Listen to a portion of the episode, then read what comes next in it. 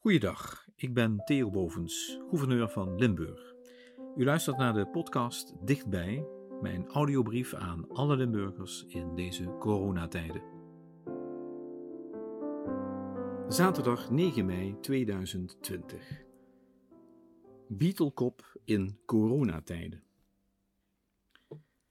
Mocht u ooit foto's van mij in functie gezien hebben, keurig gekleed in kostuum met bijpassende stropdas, de schoenen gepoetst en de haren, ook die van mijn snor, goed geswanjeerd, dan kunt u zich weinig voorstellen bij de gedachte dat dit in mijn jeugdjaren anders was.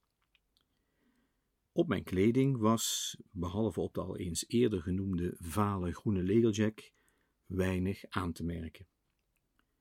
Maar zoals voor meer boomers geldt, waren de meningen over de haardracht, en met name de lengte daarvan, in de 60er en 70er jaren van de vorige eeuw zeer verdeeld. Het waren de jaren dat dienstplichtigen in het leger hun haren tot op de schouder mochten laten groeien.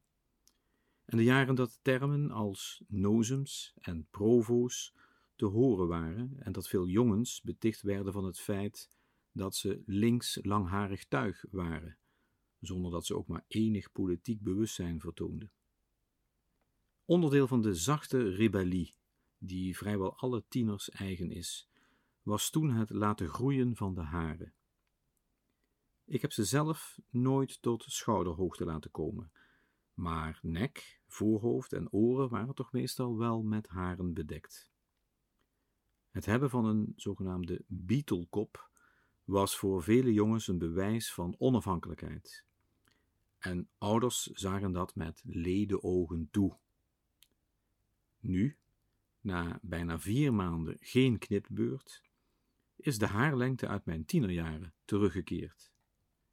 Zonder veel moeite kunnen de hoofdharen de snorharen aanraken. En nu ben ik het niet die daarmee een statement maakt, maar corona. Zij verhinderde immers het bezoek aan de kapper. En omdat de zakelijke contacten veelal nu via beeldscherm of telefoon verlopen, zorgt corona ook vaak voor een gouverneur zonder kravat.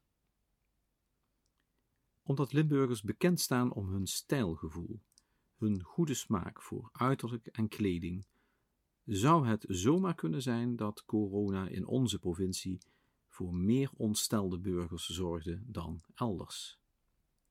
En is ook de blijheid groter dat nu de contactberoepen weer aan de slag mogen. Jammer dat de sportscholen nog even dicht blijven en dus niet kunnen voorkomen dat er te veel zwembandjes en buikjes in het straatbeeld verschijnen, nu we wat meer naar buiten mogen.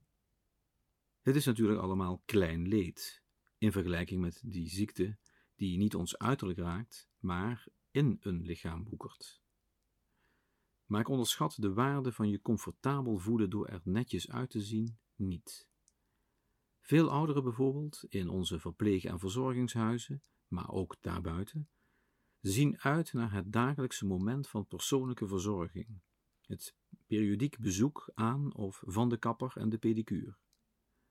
Dat is niet uit gevoel van ijdelheid, maar het geeft houvast en zelfvertrouwen. Goede uiterlijke verzorging draagt bij aan het geestelijk welbevinden. En dat geldt evenzo voor de te dragen garderobe. Ik ben benieuwd naar het Limburgse straatbeeld over pakweg vijf weken.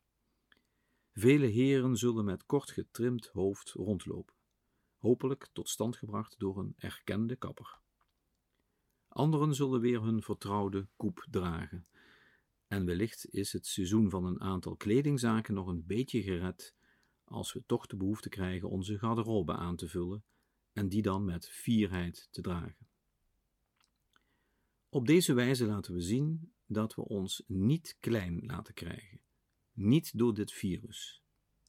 Ik ga in elk geval een afspraak met mijn kapper maken om mijn haar enige centimeters te laten kortwieken. Een foto van het resultaat, dat zal ooit wel eens een keer in Limburg ergens opduiken. Ik blijf herkenbaar aan mijn snor.